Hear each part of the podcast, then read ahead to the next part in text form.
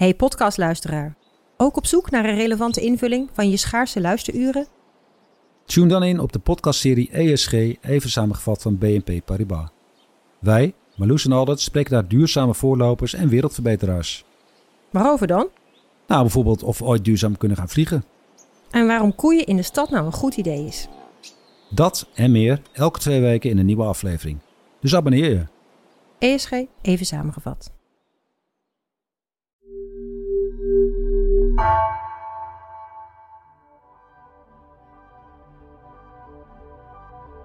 Vanaf de redactie van NRC, de zomer van vandaag.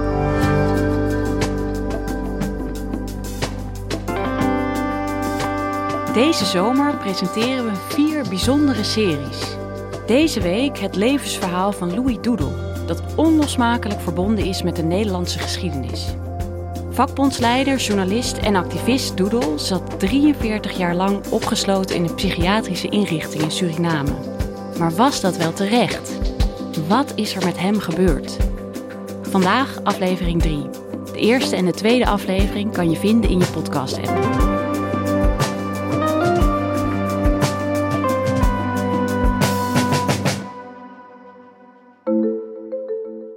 Hoi allemaal, even een uh, nieuwtje weer. Um, het dossier van Louis Doedel is terecht in Suriname, het medisch dossier. Eindelijk, het is ongelooflijk maar waar. Het is vandaag overhandigd door de directeur van het psychiatrisch centrum aan de minister van, uh, van de Gezondheidszorg. Dit stuurde ik begin dit jaar naar mijn producers Felicia en Henk. Het was ook echt ongelooflijk. Langer dan 20 jaar heb ik gezocht naar het medisch dossier van Louis Doedel. Overal hoorde ik iets anders.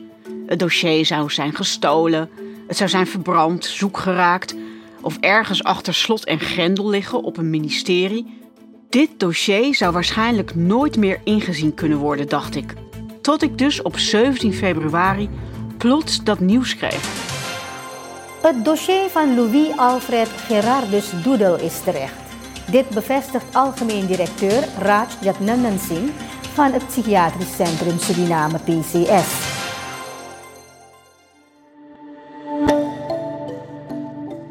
Dit verhaal zou vandaag de dag een nationale schande zijn. Stel je voor, een 32-jarige bekende vakbondsleider en journalist komt in het Suriname van de jaren 30 in conflict met de autoriteiten. Hij wordt vervolgens weggestopt in een psychiatrische inrichting en op de allerzwaarste afdeling geplaatst. 43 jaar later wordt hij pas bevrijd en niet veel later overlijdt hij. Dit is het verhaal van mijn auto, van Louis Doedel. Tenminste, dat denk ik. Het officiële verhaal was namelijk dat hij krankzinnig is geworden en terecht is opgesloten. Mijn naam is Nina Jurna. Ik ben correspondent voor NRC in Zuid-Amerika.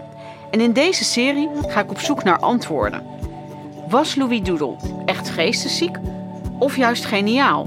En is hij vanwege zijn antikoloniale strijd opgesloten? Was hij een held? Transparantie over het lot van Louis Doedel zou een nieuwe stap kunnen zijn naar meer openheid over het koloniale bewind in Suriname. En begrip van de huidige verhouding tussen Nederland en de voormalige kolonie.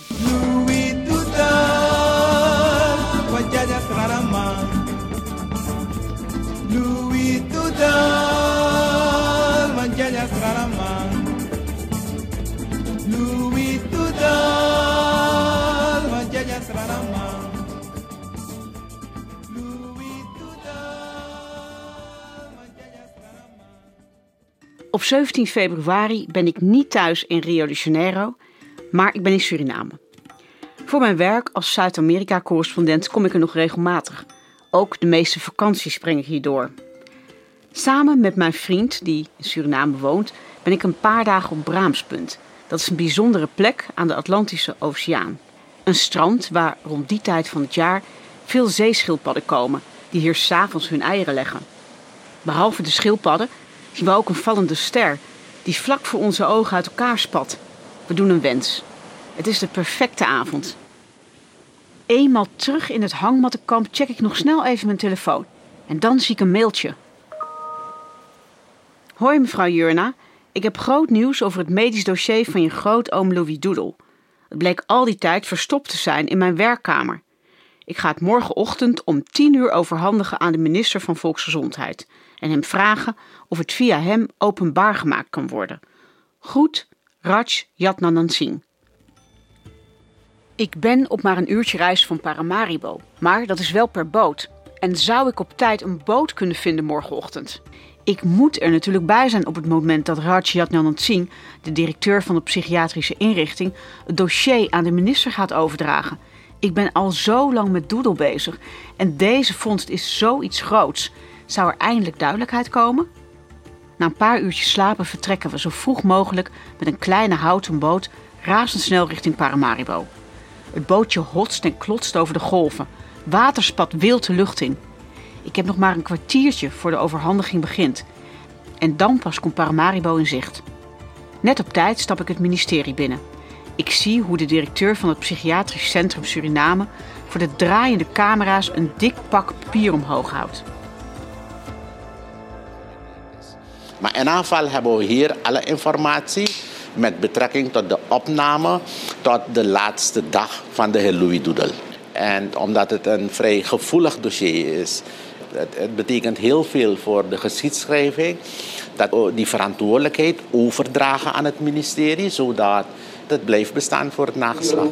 Hij vertelt ook waar hij het dossier gevonden heeft. Het is vrij toevallig geweest hoor, dat ik het dossier heb aangetroffen in mijn werkkamer. Het bleek dus weer al daar te zijn. En er is ook een hele geschiedenis hoe het eigenlijk is gevonden. Hmm, dat vind ik wel vreemd. Er is jarenlang gezocht naar het dossier van Louis Doedel.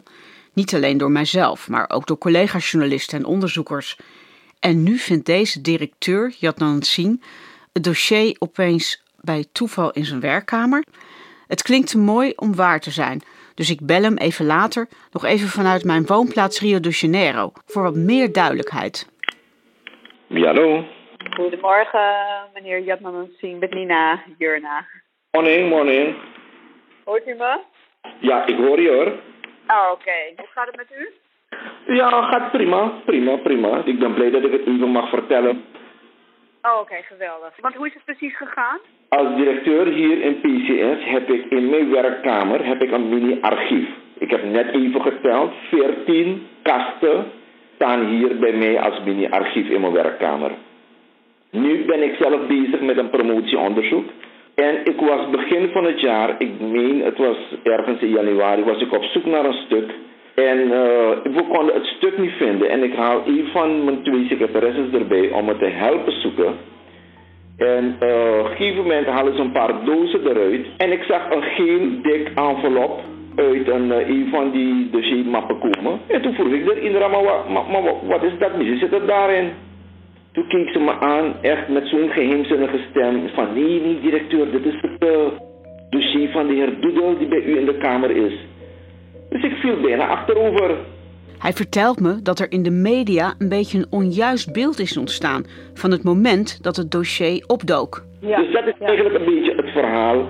En ja. weet je, ik, ik, lees, ik heb wat stukken erover gelezen die in de kranten zijn verschenen, nationaal, internationaal. En dan komt het een beetje met een stukje sarcasme erop.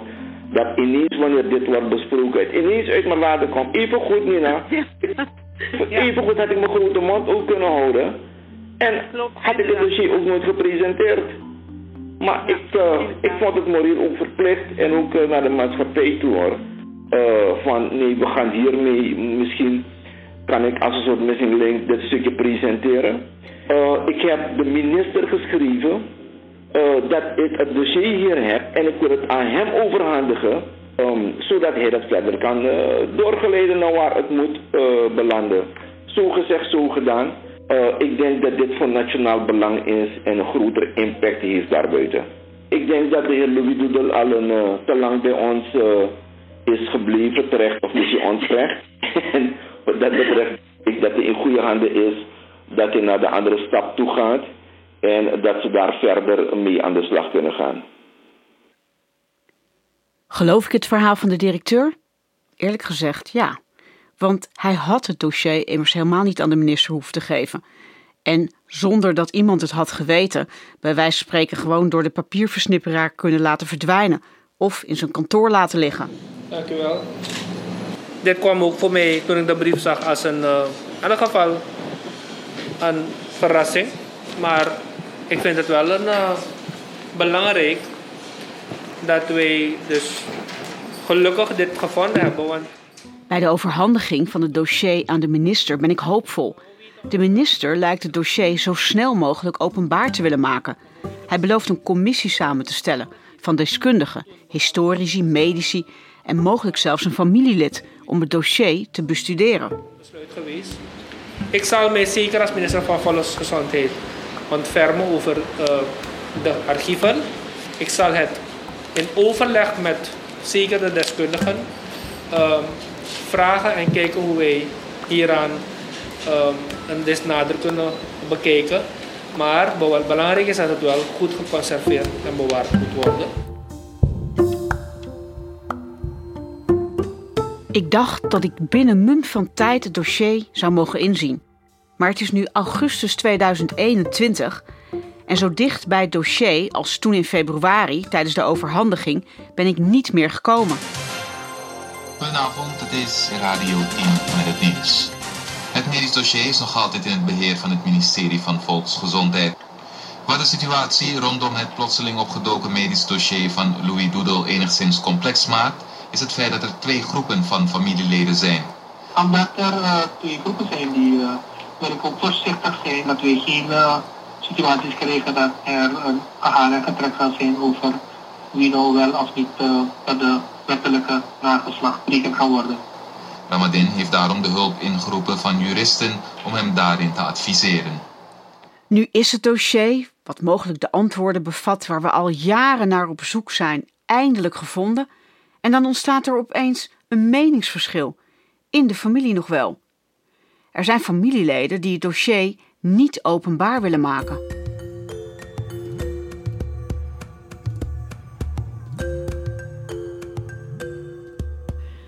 Wat was er gebeurd? Een aantal dagen na het nieuws over het opgedoken medisch dossier kom ik met familieleden bijeen op het erf van het ouderlijke huis van Louis Doedel. Vlak achter de inrichting waar hij jarenlang opgesloten zat. De bijeenkomst is vooral bedoeld om te bespreken hoe nu verder. Ik en een groep nichten hopen dat het dossier snel wordt veiliggesteld en gedigitaliseerd. En dat we van de minister toestemming krijgen om het in te mogen zien. Maar we worden verrast. Een neef en een tante zijn het daar helemaal niet mee eens.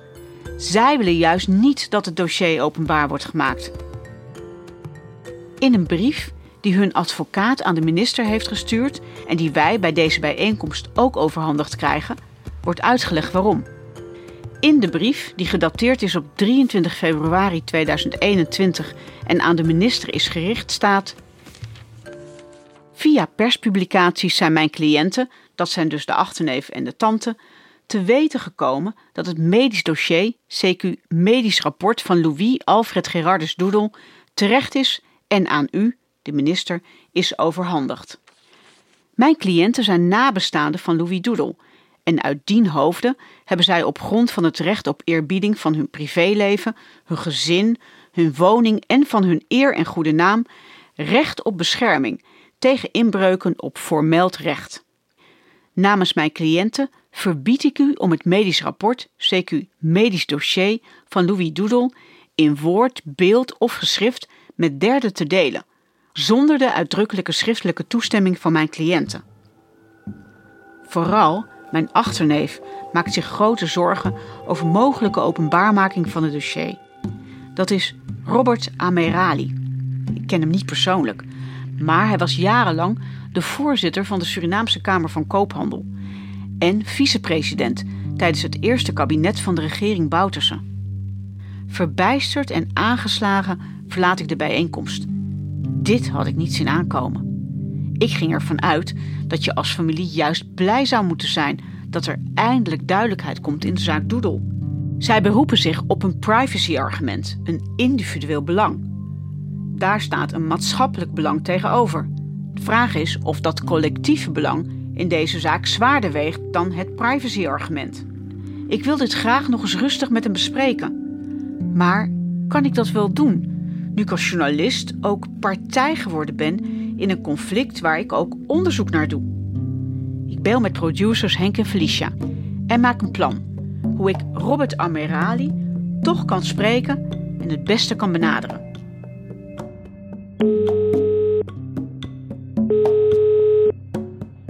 Hey Nina. Hi, hi. Hi. We gaan advocaat bellen. Ja, ja ik, eh, ik heb me even voorbereid. En wat is het Baar, plan? advocaat Baar. Eh, nou ja, ik ga, wat het idee is, is dat ik in ieder geval al direct duidelijk maak in dit gesprek, eh, zodra ik hem spreek, dat ik als journalist bel. Hè, dat namens NRC, dat we met een podcast bezig zijn over Louis Doedel. En eh, nou ja, dat dat mijn oud-oom is, ook de oud-oom van zijn cliënt, Robert Amarali. En dan vraag ik aan de advocaat of hij, eh, dat ik het toch de officiële weg wil bewandelen en of hij een afspraak zou kunnen maken eh, voor ons met Robert Amarali voor de podcast. En dat de vraag die er is, die we hem willen stellen, is waarom hij niet wil dat het medisch dossier openbaar gemaakt wordt en gedigitaliseerd wordt. Want dat wil hij ook niet. Dus ja, dat, dat wordt eigenlijk de vraag Dat is aan de een eh, advocaat. perfect plan. Laten we dat gaan doen. En ik ben er dus wel bij, maar ik denk dat jij het woord voert.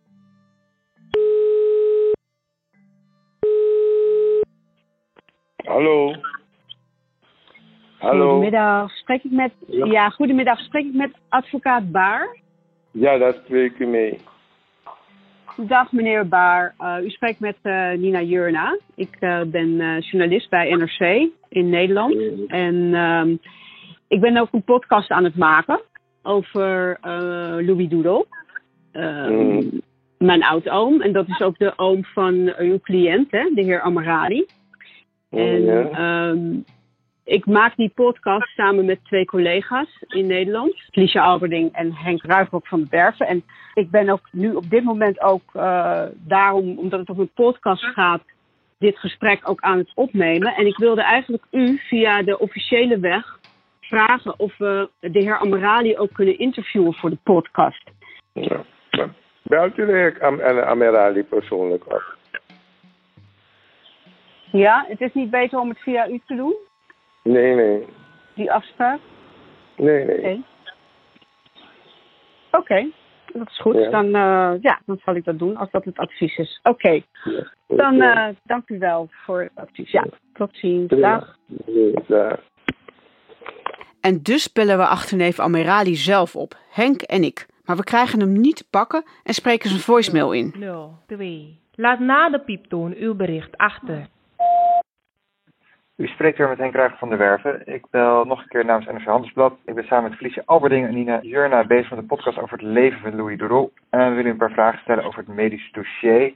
Nou, ik begrepen heb, is er... We proberen gedurende een periode van vier dagen tot onze deadline contact te leggen met Amarali via apps en ingesproken berichten, maar zonder resultaat. En ik wil graag van u weten hoe u hier naar kijkt. Kunt u mij terugbellen? Ik heb al een aantal keer geprobeerd. Dat is weinig resultaat.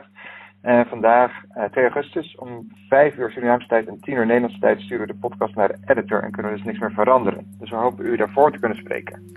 Uiteindelijk komt er om 21 uur 20 op de telefoon van Henk een doorgestuurd bericht binnen met een statement. De afzender is niet Robert Amarali, maar zijn nicht, Glynis Choningsu. Die zegt namens de familie te spreken. Door de koloniale machthebbers heeft Louis Doedel het grootste deel van zijn leven geen enkele privacy gekend. En nu moet hij zelfs na zijn dood, via zijn directe familie, nog het maatschappelijk en historisch belang boven zijn recht op privacy laten gelden. De familie zal zelf beslissen welk belang zwaarder weegt, nadat het medisch dossier aan hen is overhandigd.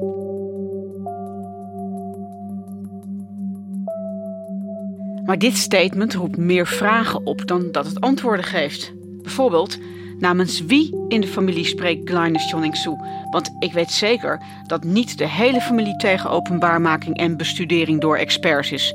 Ik en mijn nicht Journey bijvoorbeeld niet, en anderen ook niet.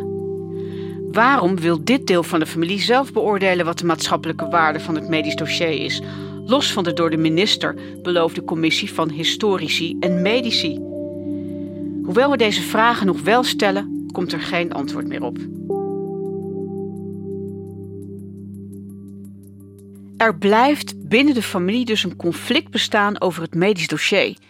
En de minister is tot nu toe ook voorzichtig, omdat de privacywetgeving in Suriname, zoals hij zelf aangeeft, ook niet helemaal duidelijk is over wie nu zeggenschap heeft over het medisch dossier.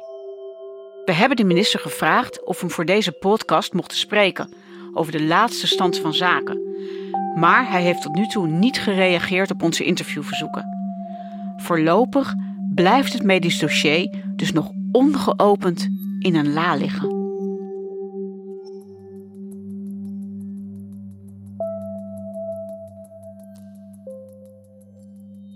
Hoewel het nog niet openbaar is, maakt het medisch dossier van Louis Doedel veel los in Suriname. Iedereen praat erover. Ik krijg telefoontjes en mailtjes van wildvreemden. Ook zij hebben verhalen over familieleden die tijdens het koloniale regime in Wolvenbuttel werden opgesloten, omdat ze zich tegen gouverneur Kielstra keerden. Ook zonder het medisch dossier lijkt Louis Doedel steeds meer aandacht te krijgen en wordt de roep om eerherstel groter.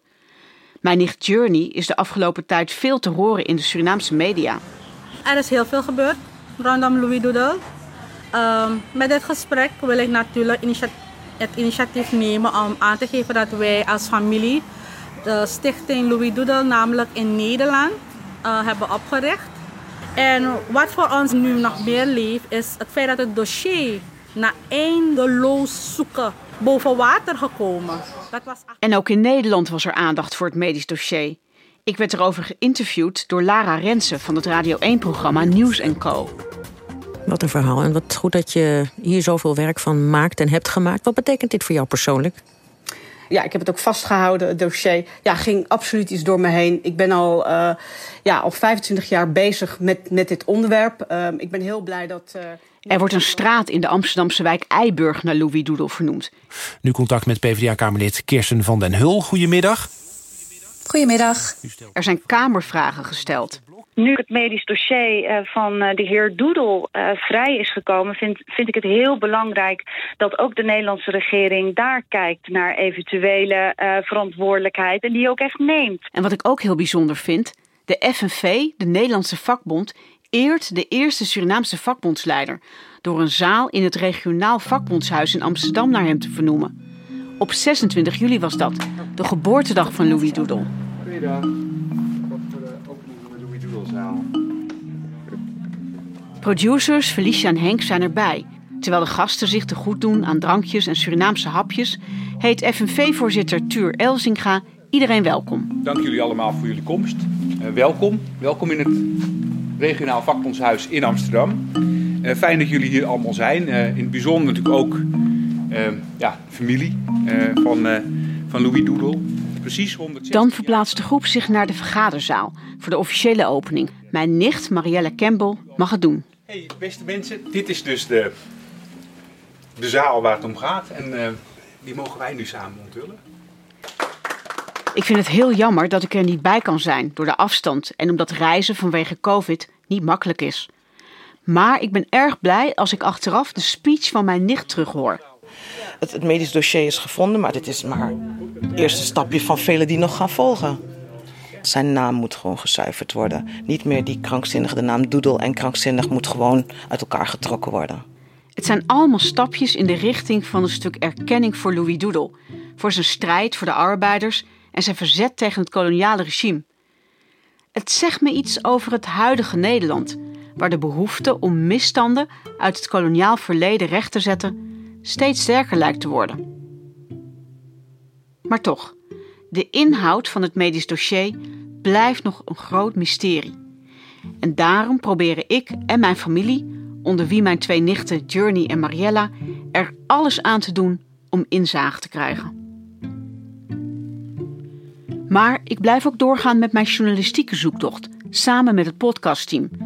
En met Surinaamse onderzoeksjournalisten, zoals Wilfred Lewin.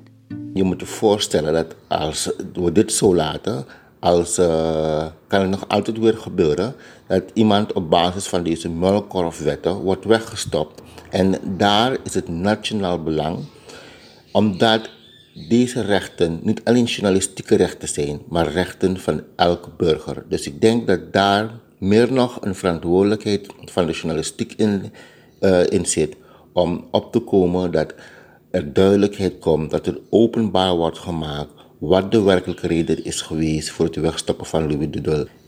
En dat niet alleen. Ook historici zien het publieke belang van het medisch dossier in. En zij gaan zich verenigen om het openbaar te krijgen. Historici hier in Suriname, en met name die verbonden zijn aan de Anton Kom Universiteit, die uh, zijn bijeengekomen en hebben aangegeven dat uh, het uh, rapport van Doedel van belang is voor de geschiedenis van Suriname. En ze willen dus kijken op welke manier ze kunnen bewerkstelligen dat historici, psychiaters, juristen naar het dossier kunnen kijken en een advies kunnen uitbrengen. Dit was voor nu de laatste aflevering, maar het verhaal is nog niet klaar. We komen terug.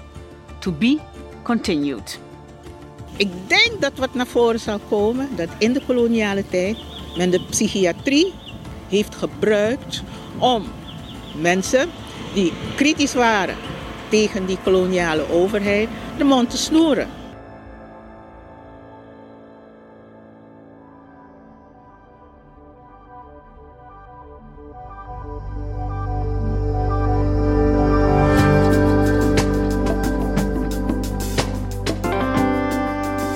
Dit was aflevering 3 van de Zomer van Vandaag special over Louis Doodle. Voorlopig de laatste van deze serie. Morgen is er weer een andere Zomer van Vandaag aflevering. Deze serie is gemaakt door mij, Nina Jurna, en producers Felicia Alberding en Henk Ruigrok van de Werven. Montage door Bas van Win. Het lied over Louis Doodle is van Jerry Themen. De tune is van Roefus van Baardwijk. Met dank aan Ido Havinga, Hans Budding Ellen Broutigam, Wubby Luindijk en Jan Meus.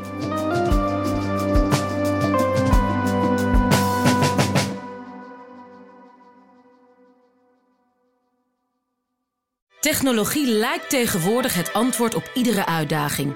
Bij PwC zien we dit anders. Als we de potentie van technologie willen benutten, kunnen we niet zonder een menselijk perspectief. Human-led, tech-powered noemen we dat. Ga naar pwc.nl.